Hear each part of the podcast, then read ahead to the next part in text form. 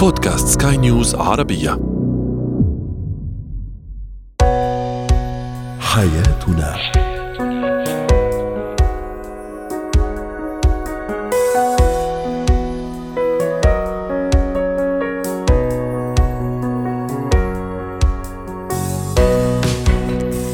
مستمعينا الكرام أهلا بكم معنا إلى حياتنا فضاؤكم اليومي الذي يعنى بشؤون الأسرة وباقي الشؤون الحياتية الأخرى والذي يمكنكم الاستماع إليه عبر منصة سكاي نيوز عربية dot com slash بودكاست وباقي منصات سكاي نيوز العربية الأخرى شاركونا عبر رقم الواتساب 00971 561 886223 معي أنا آمال شابه اليوم نتحدث عن تأثير الحروب والصراعات والأزمات الكبرى على الأسرة من حيث تماسكها أو تفككها. أيضا ما هو أثر الحروب والأزمات الإنسانية على نفسية وشخصية الطفل الذي يعيش ويلات الحروب وفي إتيكات حديث وتسليط للضوء على إتيكات واخلاقيات العمل التطوعي.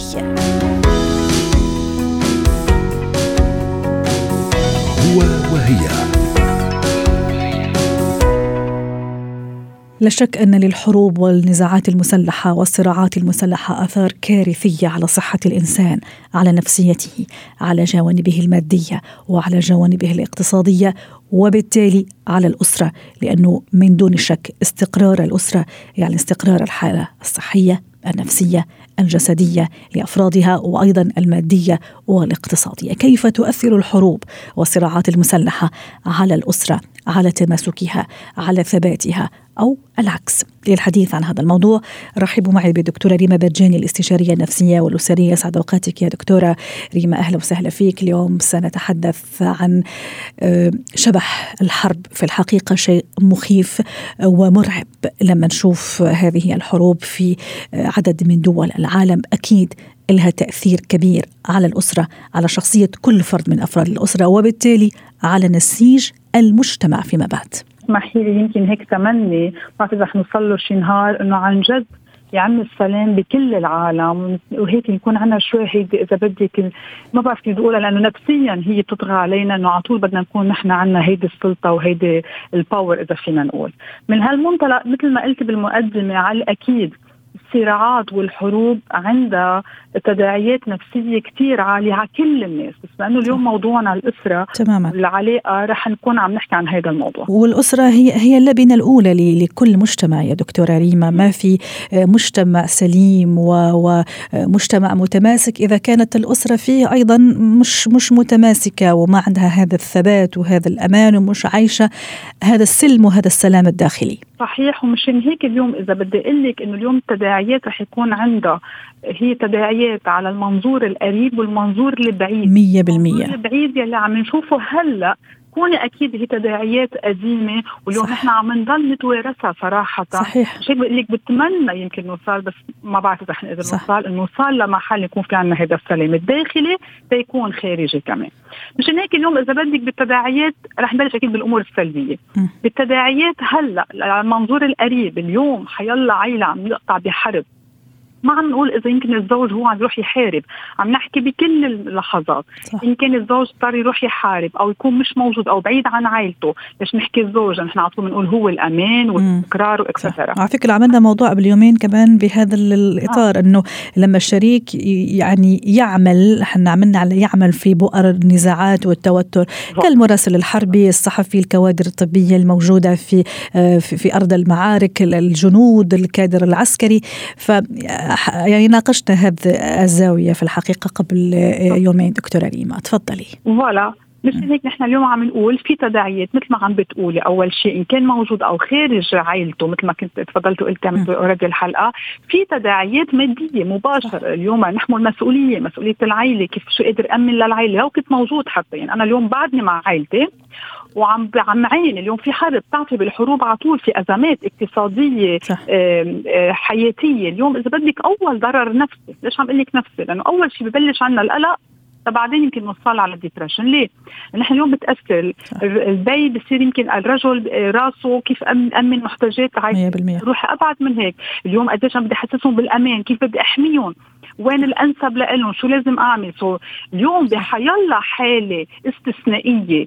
آه، في عندنا اليوم هذا التحول إذا بدك اليوم نكون حاضرين يمكن جاهزين ذهنيا. هون رح أوصل للاطار الايجابي وربما كلنا شفنا دكتورة معليش عم قاطع كلامك لأنه كلامك رائع وكمان بدي أضيف له يمكن ما أعرف إذا شفتيها وكلنا شفناها وتأثرنا بصراحه صورة الأب اللي في أوكرانيا آه، لما يودع بنوته صغيرة يمكن عمرها خمس أو ست سنوات يودعها هي وأمها في حافله يمكن بده يبعثهم على آه، أقرب نقطة أمان إلى الحدود يمكن على بولندا أو رومانيا أو أي بلد يعني يكون فيه آمن ومش قادر يمسك حاله يا دكتورة من من الدموع ومن البكاء يعني انهار انهيار تام وكلي. أكيد إحنا اليوم إذا بدنا نحكي بالحياة المثالية الطبيعية ما بدي أقول حتى مثاليه الطبيعية نحن عندنا زوج وزوجه وأولاد.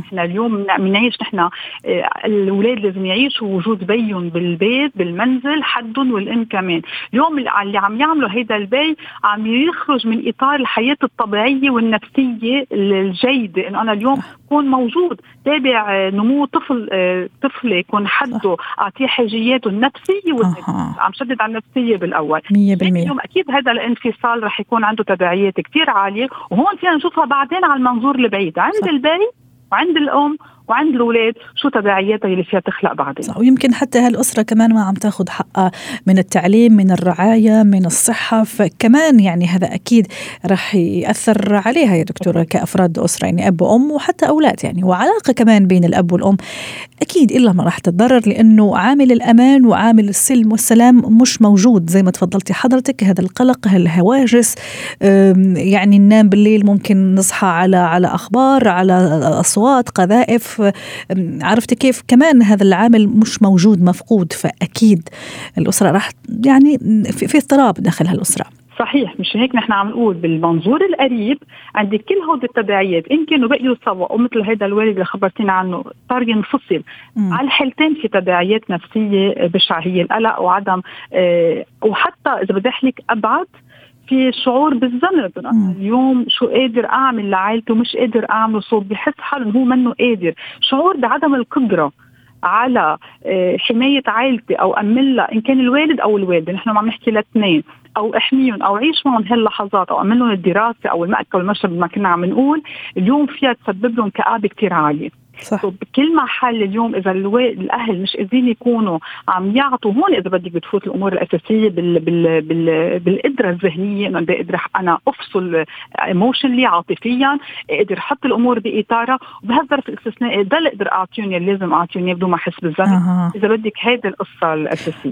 وكيف تكون هالقصة يا دكتورة؟ طبعا الله لا يجيب حروب وإن شاء الله يعني من المنطلق الإنسانية أكيد. إحنا نتمنى الخير للجميع ونتمنى زي ما تفضلتي السلام والأمان والأمن يعم جميع أنحاء العالم. هذا من منطلق أخوة إنسانية وضمير آه، كيف الواحد لما يتحط في هيك موقف يا دكتورة أب وأم وأسرة كيف لازم يعني نتصرف؟ بتعرفي اليوم أنا أنا بتحدث معك بتجي على راسي فكرة أنا اليوم إذا بدي أحمي جيل المستقبل يعني ويمكن حضرتك كمان معلش أنت من جيل كمان الحرب الأهلية في لبنان يا دكتورة. ما أعرف إذا كمان تتذكري أشياء تشاركينا فيها فبليز يعني.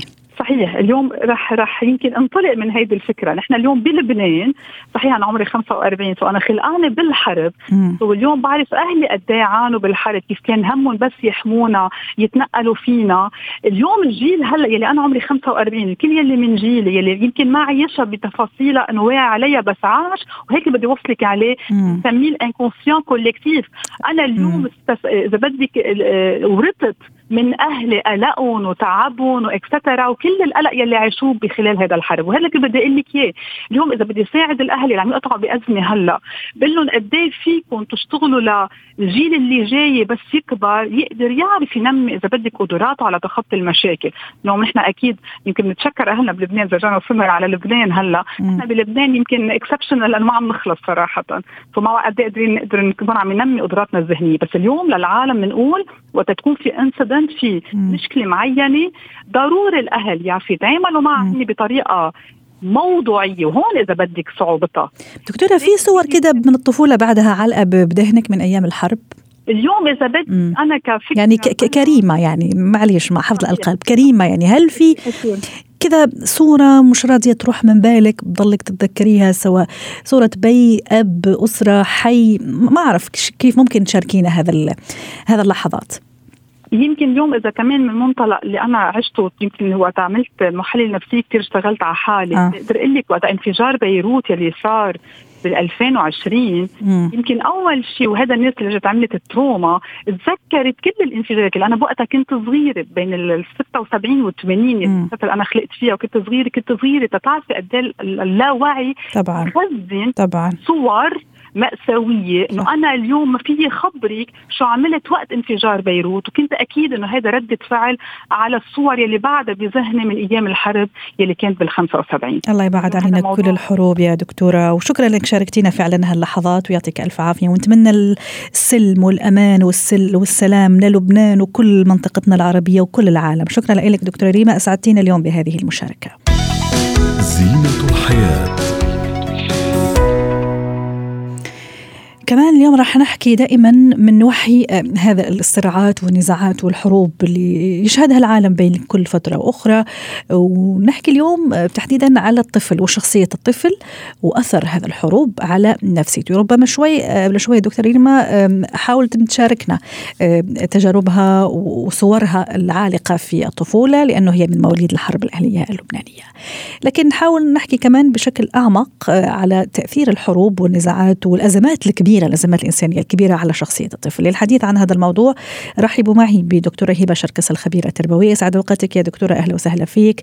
أكيد لما نقول طفولة يعني انطلاق أحلام جميلة أحلام وردية ضحك مرح لعب و و لكن لما نقول حرب يعني مدافع قنابل قلق لا أمن لا أمان.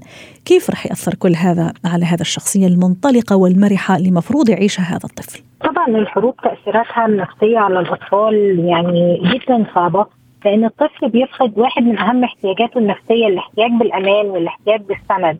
كمان بيفقد ثقته في قدرة أهله وبلده إن هم يحموه. فده يعني شعور جدا جدا صعب. وليس الحروب علينا ببعيدة. يعني بشكل شخصي خبرت حالات بتيجي بعد الحروب آه، سواء كان في سوريا أو كان في ليبيا. آه وشفت ويلات الحروب على الأطفال يعني أطفال شروخ نفسية إذا صح التعبير شرخ نفسي. يعني شروخ ويعني فعلا تمزق نفسي. مم. يعني أطفال فعلا بيعانوا فعلا مثلا من أول التبول اللا ارادي صح. لغاية الصمت الاختياري. يعني فعلا أنا في أو الخوف المرضي الغير مبرر يتخضى من أي صوت من اي من أي أبسطها صوت. الكوابيس. الكوابيس الليلية وعدم الاندماج الانفصال عن الواقع وعدم الاندماج الخوف من كل شيء بيحصل حواليه أي شيء بيحصل حواليه وأي صوت بسيط بيحسسه بالخوف والرعب والفزع فيعني حالات فعلا جدا صعبة. آه، أطفال آه، اثاروا الصمت يعني الصمت الاختياري من يعني من الاضطرابات النفسية الصعب إن الواحد يشوفها. يمكن في حياتي المهنية كلها مثلا شفت ثلاث أو أربع حالات صمت اختياري لكن في فترة الحرب في سوريا أنا شفت حالات صمت اختياري يمكن أكثر من 30 حالة. وكلهم لاطفال يا دكتورة صح ولا ولا مختلفين؟ أنا بتكلم على صمت اختياري للأطفال. يا الله يعني عدد كبير. آه، شاركت في بعض المخيمات آه، في الدراما وتأثيرها على الأطفال والرسومات وإزاي بنعمل لهم تفريغ آه، نفسي وإزاي نمارس معاهم السايكو دراما والفن علشان يعني نقلل من وطئه المشاعر السلبية اللي عانوا منها. وفعلا اللي اكتشفناه جدا يعني لما كنا بنتكلم عن كل مشاعر مشاعر الحب مشاعر الأمان مشاعر السلام الولاد مش قادرين مش قادرين يعبروا عنها. فقدوا القدرة على الإحساس بالشعور ده وفقدوا القدرة على إن هم يرسموا حاجة بتعبر عنه. فالولد راسم شجرة وراسم وردة وراسم جنبها قنبلة. فهو مش قادر يعبر عن عن السلام والأمان. يعني جلسات طويلة علشان بس نعيد معنى مش احساس معنى السلام ومعنى الحب في قلوب الأطفال دول. وبالكاد نكون حركنا الإحساس قليلا. أه. على ذكر بالكاد نكون حركنا يا دكتورة هبة. أكيد في تأثيرات الصدمة الآنية يعني زي ما تفضلتي اللي حضرتك ذكرتيها. وفي تأثيرات ما بعد الصدمة أيضا اللي ممكن تستمر لسنوات طويلة.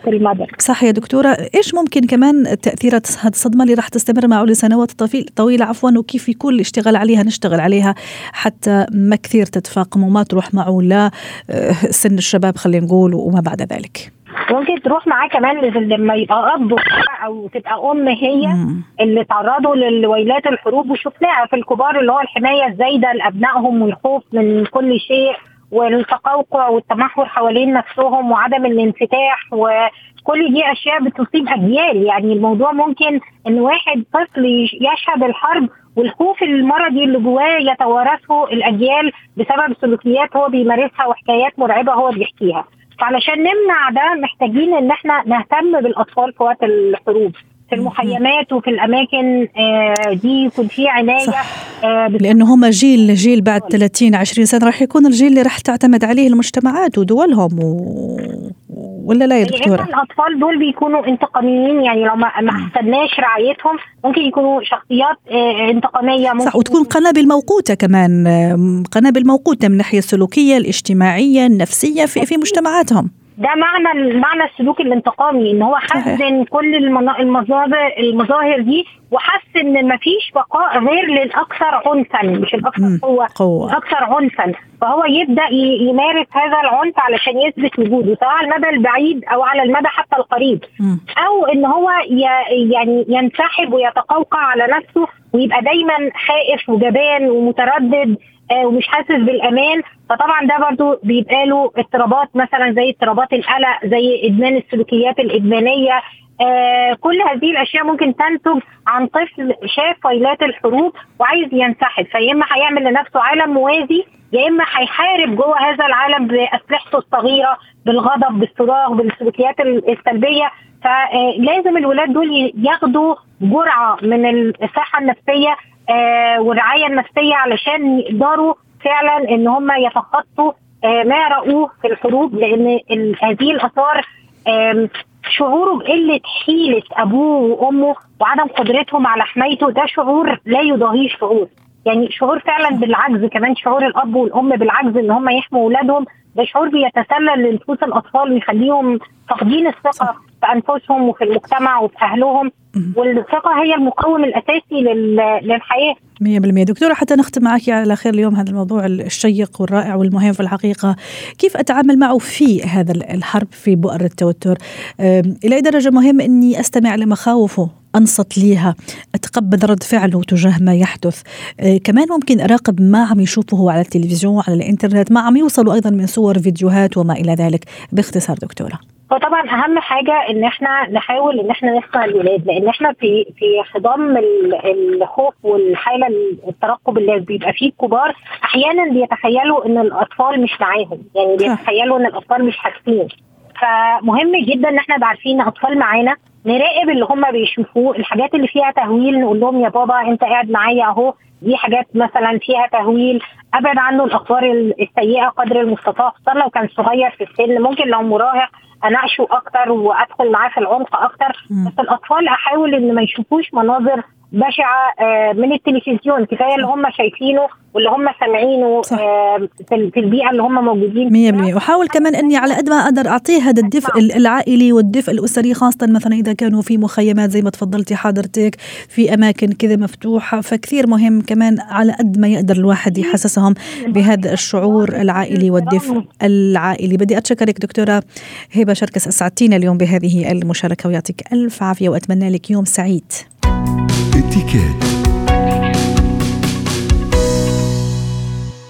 اليوم العمل التطوعي و اتيكيت العمل التطوعي واخلاقياته هو موضوعنا اليوم وأكيد العمل التطوعي موجود في كثير من من المواقف من بينها الأزمات أيضا الإنسانية والنزاعات المسلحة والحروب. يظهر العمل التطوعي سواء على مستوى شخصي فردي أو حتى كمان من قبل منظمات مخصصة بهذا الشأن أو تعنى بهذا الشأن ودول وحكومات أيضا. ما هي أخلاقيات العمل التطوعي؟ رحبوا معي بدكتورة سلوى عفيفي خبيرة الاتيكات والبروتوكول الدولي ضيفتنا العزيزة من القاهرة. يسعد أوقاتك يا دكتورة. ما في أحلى وأجمل من العمل التطوعي؟ أني أنا أتطوع آه، خدمة لغيري. يدفعني في كل هذا إنسانيتي. لا أكثر ولا أقل. لا أميز لا بين اللون ولا دين ولا عرق ولا جنس ولا جنسية فقط إنسانيتي وفطرتي الإنسانية هي اللي تحركني. لكن قبل كل هذا وذاك أكيد في أخلاقيات العمل التطوعي. أليس كذلك؟ طبعا أنا متابعة الحلقة من بدايتها وقد إيه الموضوع حساس وفعلا يمس الوجدان من الداخل. شوفي آه، يمكن الناس تستغرب ما علاقة العمل التطوعي بالإتيكيت؟ هو ده كمان ليه إتيكيت؟ ده هو قمة الإتيكيت okay؟ لأنه هو فعلا مش لما ذكرتيه إنه يكون نابع من تحفيز داخلي. أنا مش مضطرة إن أنا أقوم أعمل حاجة إلا لو أنا فعلا هي قيمة عالية بالنسبة لي إني أنا يعني مؤمنة بالمبادئ الأساسية. لو قلنا الاتيكيت من مبادئه الأساسية هو الاحترام احترام الإنسانية صح. احترام قيمة الإنسان إن هو بيضيف وله إضافة في المجتمع والشعور بالآخر. اذا لابد من فعلا نشر ثقافة المسؤولية المجتمعية وفعلا حب الخير ونشر القيم النبيلة لأن هذا الشيء يعني فعلا راقي جدا. وضع يعني انه تحسي بالإنسان اللي قدامك قمة الشعور وقمة الرقي وقمة الإيثار إنه أنا غير أنانية لست أنانية. أفكر في نفسي أنا الحمد لله عايشة في أمان ومن بعد الطوفان. لا طبعا. صح. في ناس فعلا افتقدت أشياء كثيرة مثل ما تفضلوا الدكاترة اللي سبقوني واتكلموا عن فقد القيمة الأساسية هي الأمان. أو يعني تخيلي أنت تحطي آمال مثلا أو تحطي يعني هوب آه، أو أمل على بكرة وبعدين يعني مش أنا. طبعا الأمال كلها طبعا. يعني تحطي مثلا ظروف القاهرة اللي تيجي تكسرنا فجأة. تكسرنا تخلينا كل أحلامنا وطموحاتنا.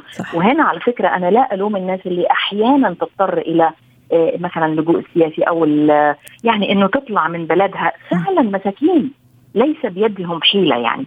فأكيد دورنا إحنا لو إحنا بنعيش في سلام أو في مقدورنا إن إحنا نقدم شيء للمجتمع ونساعد الحكومات لابد من كل إنسان لازم يكون له دور في المجتمع. رائع، ومن دون شك أيضا من بين الأخلاقيات يا دكتورة الحفاظ على مبدأ سرية المعلومات اللي ممكن أنا عندي على هذا الشخص أو على هذه العائلة آه ظروفهم، كثير أيضا من الأخلاقيات إني أحافظ على أسرارهم ولا؟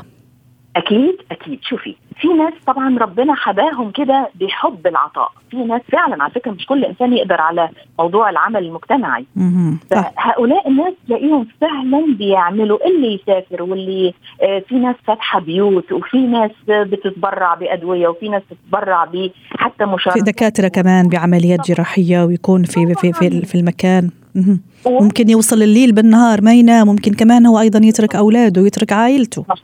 صح جدا. ولا تلاقيهم يعرفوا حاجة عنهم. يمكن في ناس يعني بعد عمر طويل بنعرف بعد مماتهم حتى إنه لا والله ده كان فاتح بيوت لا والله ده كان بيعمل كذا. فعلا وهو في النهاية أنت مش عايزة الإشهار ولا عايزة آه، تعملي إعلان أو بروباجندا لا أنت عايزة فعلا تحافظي على مشاعر الآخرين حتى لا تشعريهم بالمن. يعني حتى صح. الله سبحانه وتعالى يقول لك اذا حبيتي تتصدقي. إيدك الشمال ما تعرفش إيدك اليمين فيها إيه. فشوفي لهذه الدرجة إنه السرية حتى إنه خلاص حاجة طلعت منك خلاص وهبتيها لوجه الله. فضروري جدا ألا نشعر هؤلاء المحتاجين إنه إحنا بنمن عليهم لأنه أي إنسان فينا معرض لا قدر الله إنه يكون في هذا الظرف. صحيح 100% حد ضامن شيء ابدا يعني كل ما هو مادي في زوال. صح. لا يبقى إلا الأخلاق والضمير و الدين والمبادئ والقيم. 100% رائع. آه، في نقطة أخرى حابة تشير لها دكتورة ولا كمان ممكن نروح لموضوع الأمانة أيضا. مو فقط الأمانة عن المعلومات لكن الأمانة خلينا نقول إنفاق الأموال شراء المستلزمات اللي أنا مثلا تمنت عليها من قبل مثلا هذا المنظمة الخيرية أو هذا المجموعة أو هذا الأشخاص اللي أنا مثلا كلفت أني أنا أتبع موضوع التطوع فكمان كثير مهم وكثير من الأخلاقيات أني كمان أكون أمين على هذه الأشياء. أمين وحكيم. وحكيم. يعني أنا أعرف ناس كتير وأنا نفسي اشتغلت في أشياء تطوعية جمعيات تطوعية. شوفي إحنا كان بيجي قدامنا حالات نكون محتارين يا ربي آخد الحالة دي ولا آخد الحالة دي؟ الاثنين انت عايزة تساعديهم بكل ما تملكي. بس الموارد ممكن تكون محدودة. فهنا الحكمة كمان والأمانة بتشوفي أيهما أخطر. يعني بنقول كده مثلا نشوف لا الحالة دي ممكن تنتظر الحالة دي ممكن يكون في بديل.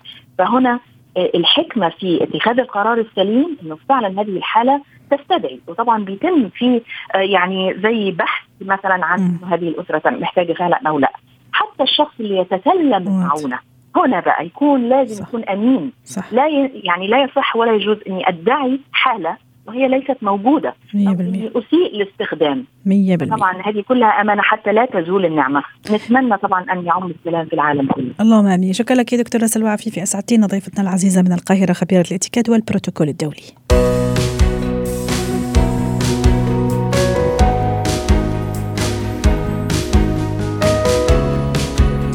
ختام حلقة اليوم من حياتنا. شكرا لكم وإلى اللقاء.